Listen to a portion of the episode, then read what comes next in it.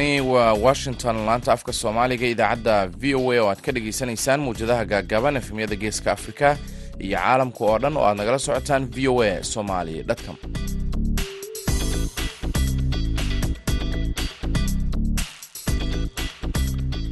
Duhur wanaagsan dhegaystayaal waa maalin axad ah. Bisha sebtembarna waa toddobiyo toban sanadka labada kun iyo saddex iyo labaatanka afrikada bari saacaddu waxay tilmaamaysaa kowda iyo barka duhurnimo washingtonna waa lixda iyo barka subaxnimo. Idaacadda duhurnimo ee barnaamijka dhallinyarada maanta waxaa idinla socodsiinaya anigoo ah maxamed bashiir cabdiraxmaan.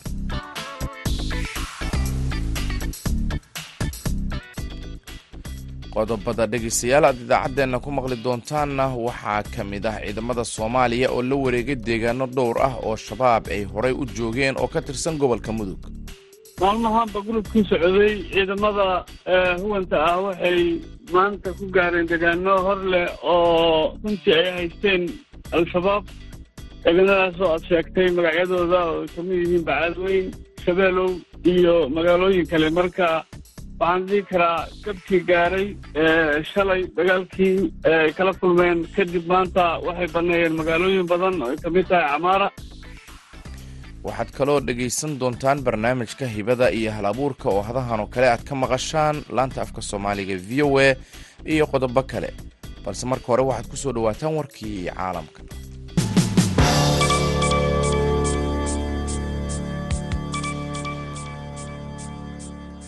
Dagaallo culus ayaa maanta gobolka bakool ku dhex maray ciidamo ka tirsan kuwa itoobiya iyo maleeshiyaadka al-shabaab mas'uuliyiin ka tirsan gobolka bakool oo la hadlay v o a soomaali ayaa xaqiijiyey in dagaaladaasi ay dhaceen.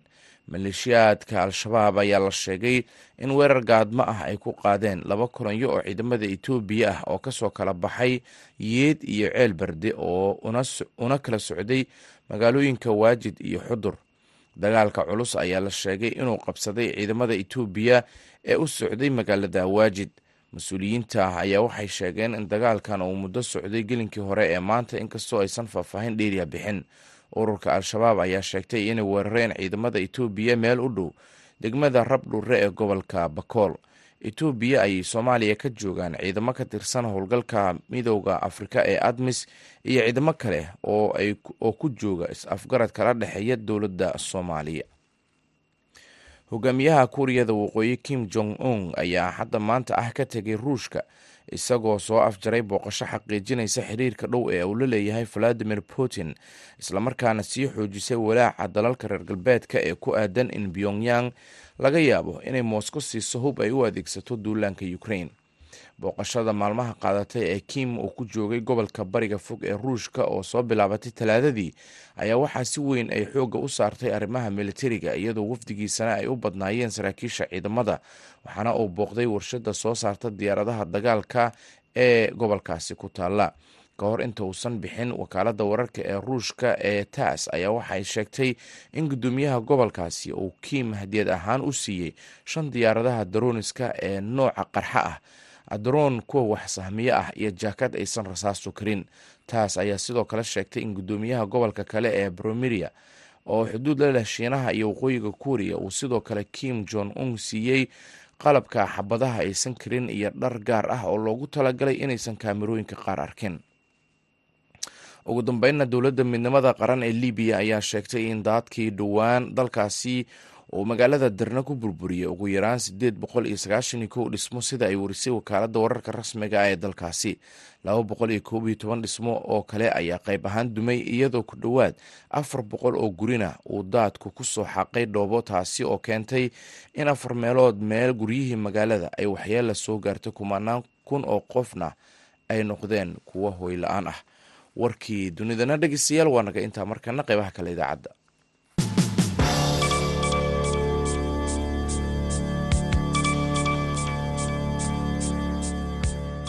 duhur wanaagsan dhegeystayaal wararkaasina waxaad kala socotaan laanta afka soomaaliga ee v o a.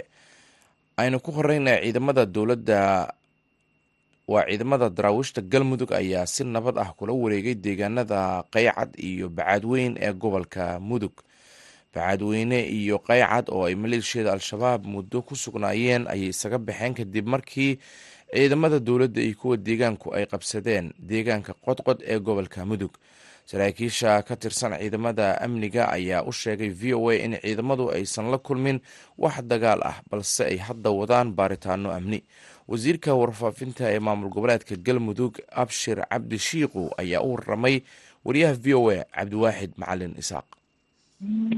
Waa mahadsan tahay maalmahanba gulubkii socday ciidamada huwanta ah waxay maanta ku gaareen degaano hor leh oo runtii ay haysteen al-shabaab deegaanadaas oo aad sheegtay magacyadooda oo ka mid yihiin bacaadweyn shabeelow iyo magaalooyin kale marka waxaan dhihi karaa jabkii gaaray shalay dagaalkii ay kala kulmeen kadib maanta waxay baneeyeen magaalooyin badan oo ay ka mid tahay camaara waxaana rajeynaya inay sidaas ku sii baxaan insha allah haddaad nala wadaagtid qabsashada bacaadweyne shabeelow iyo qeecaad ma jireen wax dagaalo ah oo halkaa ka dhacay nimankani waayihii dambeba dagaal toosa lama gelin ciidamada dawladda laakiin mararka qaar ayay waxay samaynayeen falcelin taasoo runtii ay u adeegsadaan qaraxyo iyo miinooyin iyo waxyaalo lamida laakiin saakay ilaa xalay magaalooyinka la gelayay ma jirin dagaal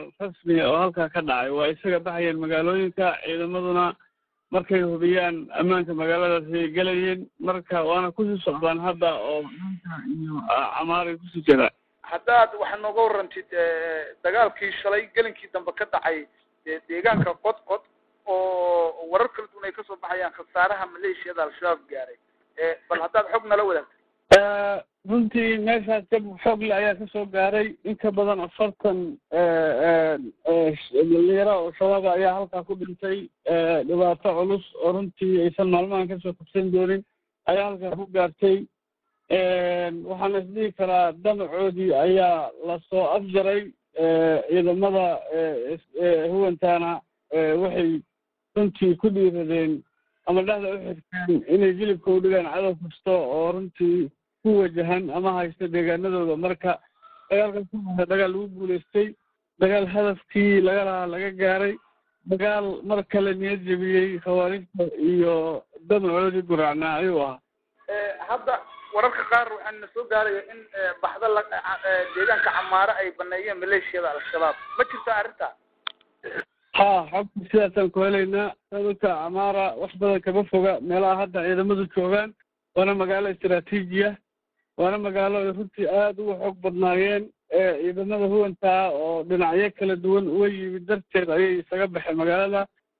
Waxaana rajeyneynaa in ilaa dabagalo miliqa dumayo ilaa halkaa haddii ilaah idhaahdo loo kaxeeyo. Hawshu aad ayay u wanaagsan tahay waana laga xoreynayaa deegaanada dhiban gobolka mudug waxaad moodaa hadda inuu gabagabo ka sii yahay maleeshiyada al-shabaab deegaanada harsan rajo ma qabtaan in maalmaha soo aadan la soo gacanta dawladda la soo geliyo? Ilaah baa garanaya wakti uu dhammaanayo laakiin qorshaha dawladdu waxa weeyaan in bishan gudaheeda lagu kala baxo insha allahu mudug iyo galgaduud. Mudug iyo galgaduudba? Insha allah. Waxaad sidoo kale war ay naga siisaa deegaanka ceel la helay oo maalin ka hor uu ka dhacay dagaal xoogan hadda waa sida xaaladda ceel helay sidii bay ugu jirtaa gacanta dawladda kadib weerarkii ay halkaa ku soo qaadeen runtii meydad badan ayaa halkaa looga dilay maalmahan la aruurinayay oo xabalwadareed lagu aasayey.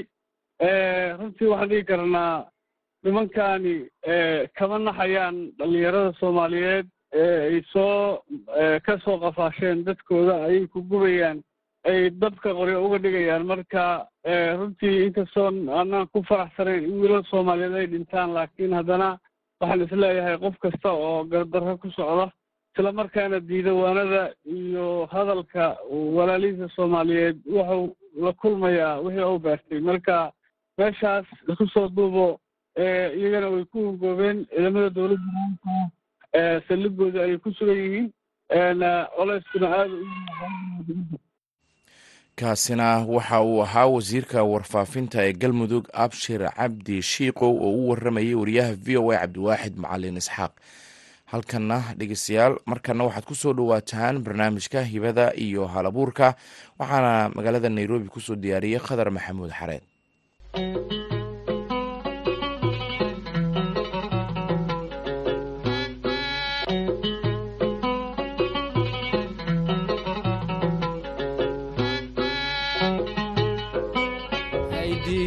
micraaj muscab iyo mana oo mataano ah marba labo dhale meher iyo aroos ma u tahay diyaar waa musiibo indhuuma xukumo nin leh muuqal dhaaley intay dhibku mudan lahay yarta maasha allah marma wada dhala wacan oo wanaagsan dhegeystayaal ku soo dhowaada barnaamijka hibada iyo hal abuurka v o a oo toddobaadkan idinka imaanaya magaalada nairobi. Barnaamijka waxaa marti iigu ah maxamed xuseen cilmooge oo loo yaqaano abwaan cayn oo ka mid a fanaaniinta dhinaca dhaantada ee ku nool magaalada nairobi gaar ahaana xaafadda islii muddada uu socdo barnaamijka hibada iyo hal abuurka ayaa waxaynu abwaan cayn aynu wax ka weydiin doonaa hibada iyo hal abuurka uu eebbe u siiyey sameynta noocyada kala duwan ee dhaantooyinka iyo sidoo kale dhaqanka soomaalida. Abwaan cayn soo dhawow. Aad iyo aad baan u dhowahay waad mahadsan tahay magacayga oo saad sheegtay waa maxamed xuseen cilmooge. Kuna magac dheer ee biraha bulshada inta badan layga yaqaano abwaan cayn. V o a aad iyo aad baan ugu faraxsanahay waan dhowahay walaal qaali. Maasha allah. Fanka qaybtee ayaad qaabilsan tahay abwaan cayn? Fanka niyahow hal qayb ma xil saari laakiin xagga heesaha haddii la yidhahdana waan qoraa. Laakiin inta badan waxaan u badanahay haddii la yidhahdo qaadista xaggeeda dhaantooyinka laakiin xagga samayska labadoodaba waan sameeya haddii heesa tahay iyo haddii ay mataqaana dhaantooyin yihiinba labadaba waan sameeyaa. Qaadista laakiin anigu waxaan malanaya hal heesaan malaha qaaday. Qaadisteedu waxay u badan tahay maxaa la odhan jiray dhaantada waayahay bandhigii toddobaadka dhaqanka ayaa lagu qabtay nairobi. Ka waran maxaad halkan ku soo bandhigtay? Wallaahi maasha alla horta ku faraxsanahay. Halkan waxaan ku soo bandhignay dabcan dhaantooyin iyo sidoo kale hees intaba.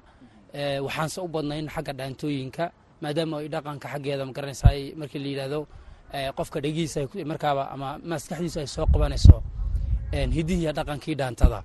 Marka waxa weeye dhaantooyin baan ku soo bandhignay hadday tahay cagtii la ciyaarayey waxaa jiri jiray awal horeete xagga reer miyiga markaanu dhaantooyinka ka qaadayno waxaa la odhan jiray jiib iyo jaan marka jiibta waxaa weeye maxaa la odhan jiray mataqaanaa halka hadda ay gashay maxaa la odhan jiray muusiga halka uu galay. Iyo jaantiioo dee lugta laga tumayo.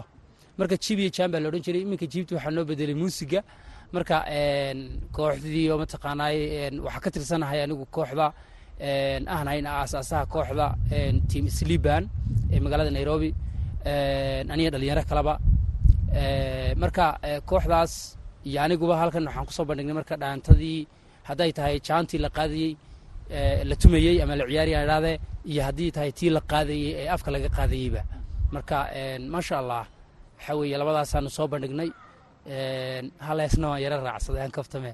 Hees halkaas aban weligeyba heesay baan malaylayaaba oo aan ma garanaysaay hees ahaan waa heestii ugu horreyseen malaha intaan ereyo sameeyo la xameeyo aan anigu qaado imaadana marka maasha allah sidaasaa dhacday.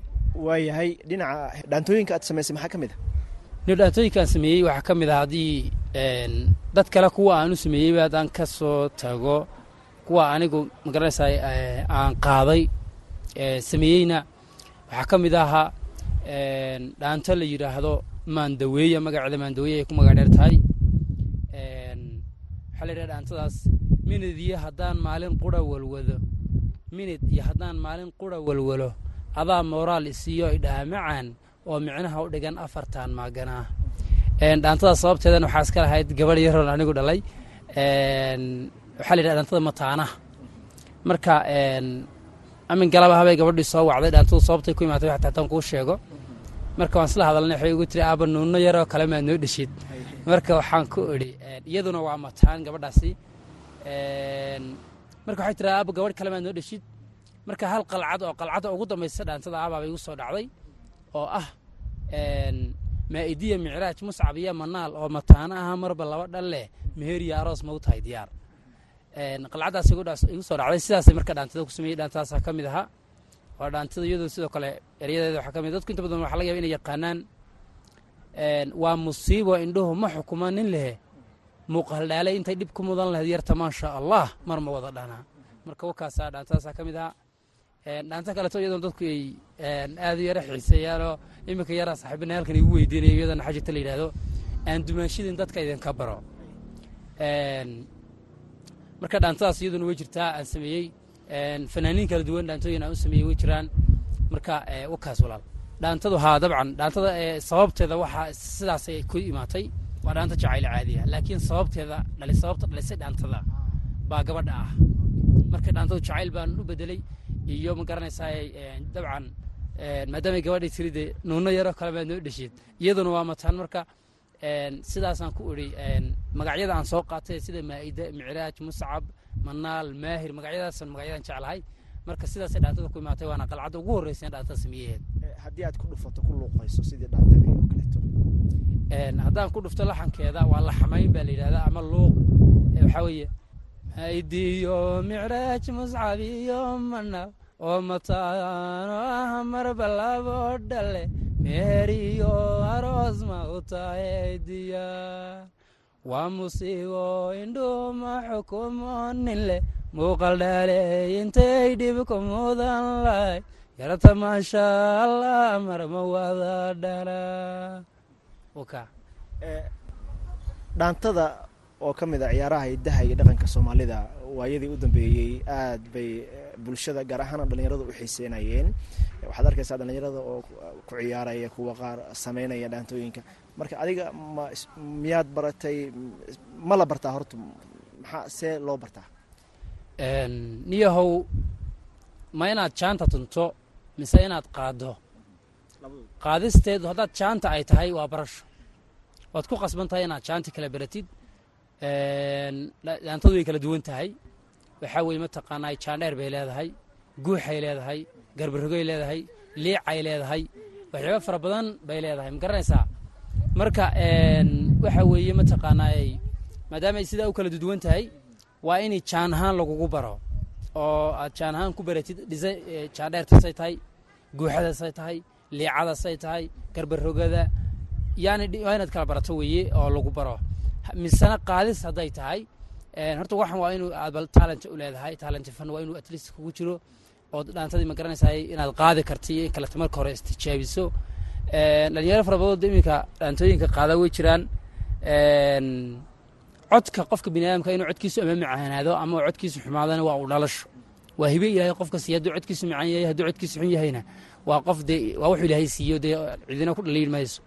Laakiin habka aad u qaadaysid waa inaad barato laftirkeeduyo aad hadday teembo tahay taasu maca heesahay ka siman yihiin. Waa inaad barato laakiini ma odhan karo waa lagu dhashaa dhaantada.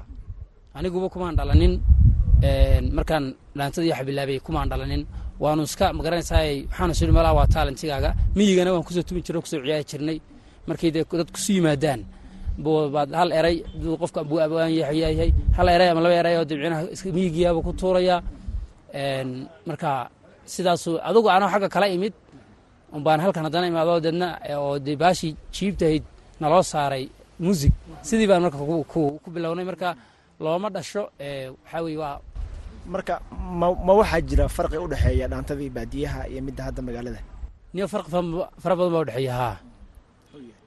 Farqiga udhexeeya wuxuu yahay horta hadday jaani tahay ilaa yar moojaane waxaa loo baahan yahay dhaantada waxa ay leedahay qaabka qaab loo ciyaaro. Wasaan kuu sheegay guuxada ama dhaantada la yidhahdo jaandheerta sibaa loo ciyaaraa. Marka waxyaaba waxaa jira iminka ay aan ku arkay kooxaha ka dhisan nairobi ee kale inaa micnaha dhaantadii jaan wax la yidhah ay soo saaraan. Dhisaynkii loogu talagalay dhisayn aan ahayn oy laba israacraacayso laba inta u leexanayso qaar macaa jilba joogsanaya fadhiisanaya waxaasaan ku arkay. Marka dhaantada miyigu caynkaa ma ahayn sida haddaan kuu sheegay qaybta maaragtay markii wiilashu ay tusaaleahaan guuxadoo kaleti markay ciyaarayaan waxaa oo luuqadda micnaha qaybtaada muusiga ku jiro u samayn jirtay gabdhaha oo intay laba gooni iska kala dhigaan iyagoo wada taagan. Bay ereyga ugu celcelin jireen halkii erey bay ku celinayaan markii wiilashu sidaasay kolka hore intay la bilaabaan bay ka dambe sidaa guuxa micnaha ugu samayn jireen. Marka different baa udhexeeya dabcan markaan fiirshay different udhexeeya different weyn ama farqi weyn baa udhexeeya farqigaasoo dee ah dhaantadiiba meelaha kororka qaar markaa aragto waxaa soranaysaa ni waa la kufsaday dhaantadii si xun baa micnaha hadda loo loo isticmaalaa.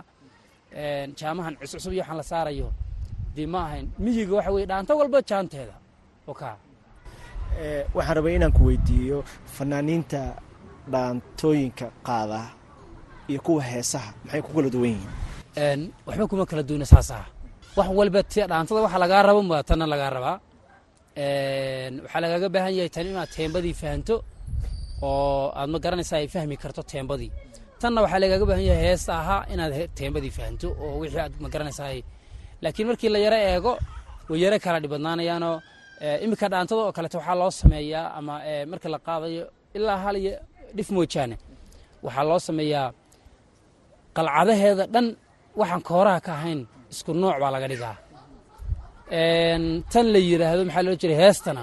Qalcadda koowaadna laxan gooni ay leedahay. Qalcadda labaadna laxan gooni ay leedahay.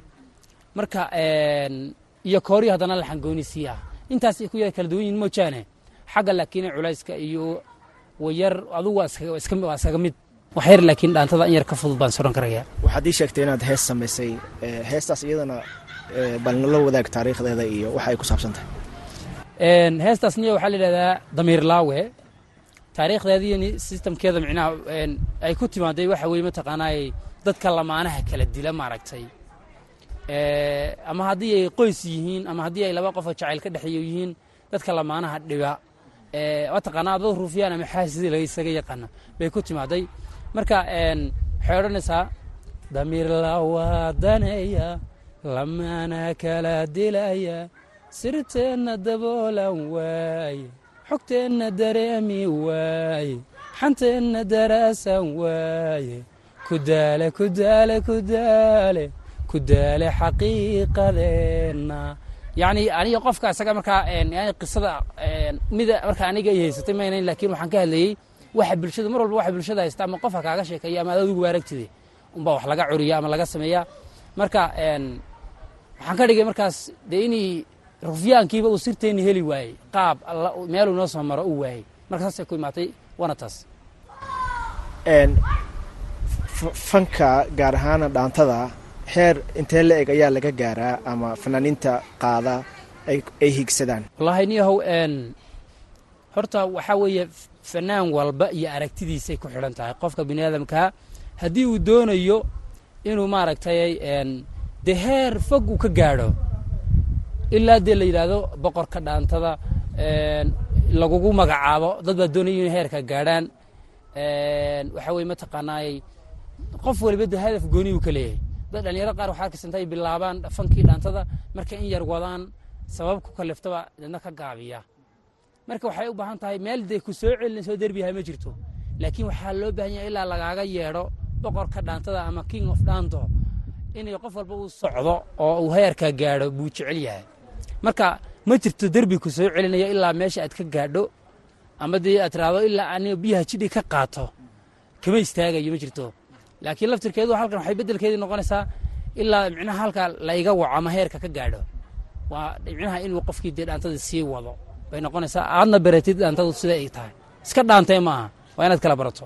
Oka fanaaniinta dhaantada sameeya waa abwaan dabcan. Fanaanna ah saasaan fahmay caqabadaha ugu badan ee aad la kulantaan maxaa marka haddii aad fanaan tahay horta dadka bini aadamka isku mid mee qaar baa ku odhanaya niyo waxaan doonayaa iisoo samee dhaanto. Marka dhaantada markaad u soo samayso caqabadaha ugu badan ee kala kulanna waxay tahay adigu dee annagu reer miyi baan nahay miyi baan ka nimid erayo waxaan isticmaali karaa yara culus ama yara adag. Marka wuxuu ku odhanayaa qofkii fanaanka niyo waxaan doonayaa ma erayo jilicsan erayo jilicsan erayo jilicsan sidee micnaha erayo waxaan rabaa ciyaalka xaafadda ah. Ma raab baad doonaysaa inaan raab ka dhigno? Maya maya. Dhaanta weeyaan laakiin waxaan doonayaa erayo jilicsan. Erayo yani waxaan markaa un dee dabcan dad magaalada marka ku dhex nooshahay waxaad fahmaysaa wuxuu ula jeedo. Wuxuu ula jeedo marka waxay noqonaysaa erey yaro nugul oo dadka magaalada ku dhashay ay fahmi karaan waxaad uga jeedo dadka qaar baa mayay roobod iyo sida mahiigaan iyo waxba ay dadka qaar isticmaalayaan. Marka waxaa weeye hadduu xataa fanaan ku soo dhawaaqo niyo hadhowta layma fiyus garanayo layma daawanayo waxaan rabaa erey nugul oo sida hadda beri dhayto dhaanta aan aad meelaha loo yarwadoodayo naahedhe basal iyo baradha laysku sheehe yacni erayo nugula saasoo kaleeta ah bay dabcan doonayaan. Marka caqabadahan kala kulan waxa weye marka erayada qofka intuu ku dhaniyo dhaanta isu samee aad u dirto isagii baa fahmi waayk marka wuxuu ku odhanayaa bedel erayadan waxaad ka dhigta eraya nugul. Waxaa kaleeto oo iyadana mataqaanaa yara caqabad iska yar noqoto qofka erayaad samaynaysaa ereyadii baa ereyo macaan noqonayaa ood la tacajubtay fanaanna waa tahay abwaanna waa taadaa ereyadii qoray. Marka waxaad yara lex jecloonaysa ereyada wanaagsanida si aday kugu fiicnaan lahayd. Marka caqabadahaasa lagala kulmo haddana dee waxaad odhanaysaa kolley dee nin walba iyo aragtidiisii. War qof baa kuu dirsada hadday macaanta iyo hadday khadhaar tahaybe waa dabcan u cumaamad qofkaas marka caqabadahaasa lagala kulmaa. Marka laga hadlaayo fanka ama gaar ahaanna samaynta dhaantooyinka oo waxaa jiro sharci ama tillaabooyin loo baahan yahay qofka fanaanka ama ku luqeynayo ama abwaanka samaynayo inuu inuu raaca ay tahay. Niyo waagii hore haa laakiin hadda may waagii horeete iska fankii oo dhaqankii si heesaha caadigaha baa fanaanka intii tartan la qabto ilaa uu ku soo baxo loo codeeyo aan heesi jirin. Maantana waxa weeye waa haddaa marba ano aan muusiga iska bixin kara iyo tumistiisa waxaa weeye haddaaban hadli kara waan heesi karaa bay micnaha iska noqotay. Ma garanaysaa? Waagii horena haddii ay dhaanto tahay hadda sida dowlad deegaanka oo kalete waxa weeye mataqaanaa waxaa weeye mataqaanaa dhaantada qof walba iskama dhaanteeyo.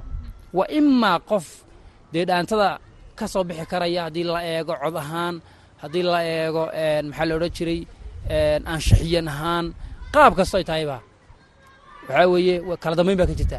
Laakiin hadda tusaalehaan anagu iminka yaro qurba nacs weeye meeshan nairobi aan joogno iminka wax la yidhahdo kala dambayn iyo ma jirto. Nin kasta iyo qumanihiisa qoorta u suran erayo qof haddaad xataa u tiraahdo balistijaabi walaal oo dhegeystayaal naga raalli ahaada barnaamijkaasi hibada iyo halabuurka waxaa magaalada nairobi noogu soo diyaariyey khadar maxamuud xareed. Markanna waxaad ku soo dhowaataan heestan ay ku luqayso xaawokiin